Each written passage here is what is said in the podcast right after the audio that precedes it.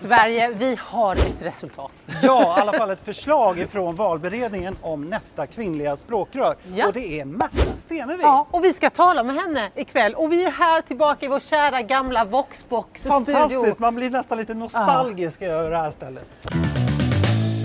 Välkomna! Ikväll ska vi tala med ingen mindre än Märta Märta Stenevi som är föreslagen till att bli nytt språkrör för Miljöpartiet. Men innan vi talar med henne så ska vi tala med den person som har lett arbetet med att komma fram till Märta som förslag. Jajamän, den som då är sammankallande för Miljöpartiets riksvalberedning och som har lett arbetet som sagt var och det är Katrin Wissing.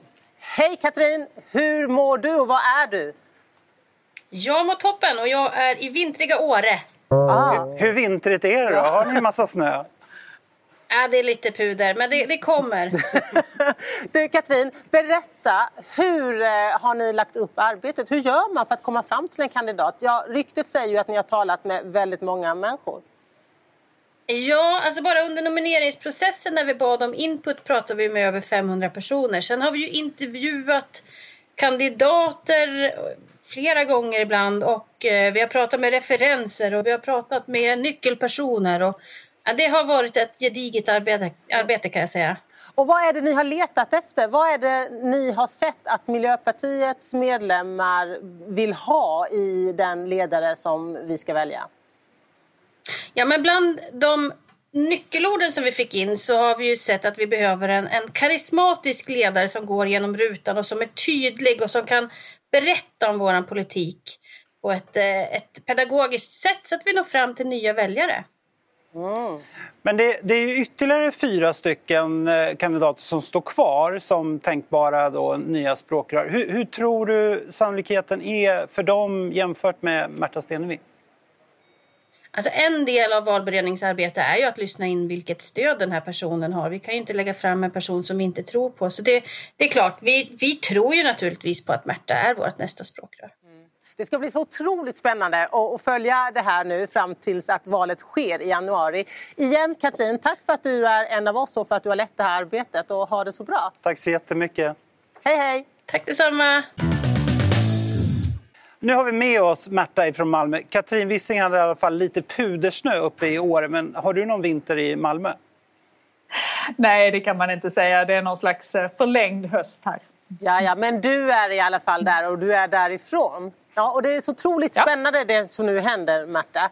Du är föreslagen av valberedningen att ta över efter Isabella Lövin. Och det här uppdraget, om det blir du nu, det kommer ju med ett enormt ansvar. Vi ligger ju och darrar längs liksom, riksdagsspärrsgränsen.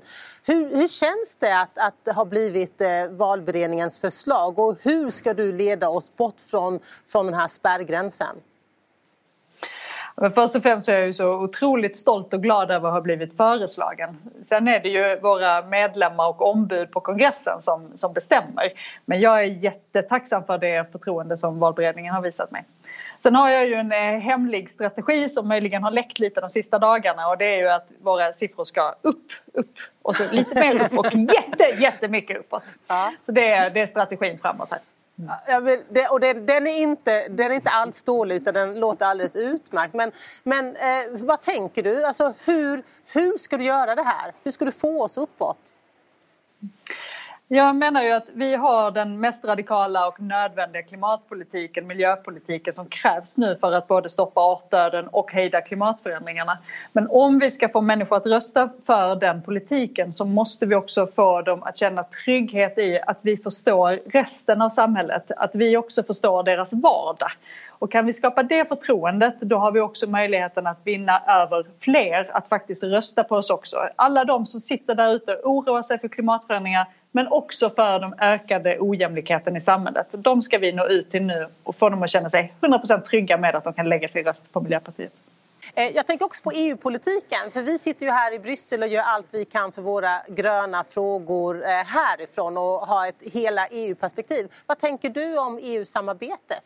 Att det är så otroligt viktigt att vi samarbetar med andra gröna partier men också med andra länder. Eh, klimatfrågan är inte begränsad till nationer utan den måste ske i samarbete med, eh, med mellan länder och globalt. Håller med precis. Just nu så är det ju fokus på just språkrörsposten men Isabella har ju haft en ministerpost också. Har du någon favoritministerpost som du skulle vilja ha i regeringen?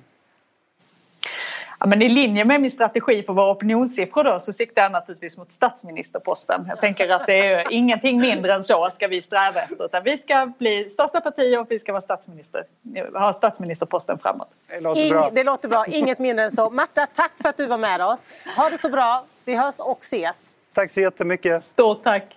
Hej, hej. Ha det jättefint. Gott att se er.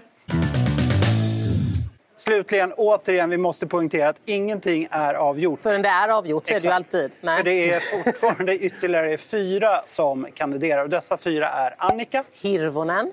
Elin. Söderberg. Pernilla. Stålhammar. Och Rebecka. Lemoine. Jajamensan. Och det här ska ju bli så spännande. Fantastiskt och, spännande. Och vem det är som faktiskt blir vårt nya språkrör och kommer stå där bredvid på Per, på, på Bälund, på per Bolund och leda oss uppåt, uppåt, uppåt. Det vet vi först i slutet av januari när vi har haft vår extrainsatta kongress. Jajamän. Ja. Otroligt spännande. Det var allt för den här veckan. Vi ja. ses igen nästa vecka. Och glöm och... inte att prenumerera. Prenumerera. Ja. Hej då!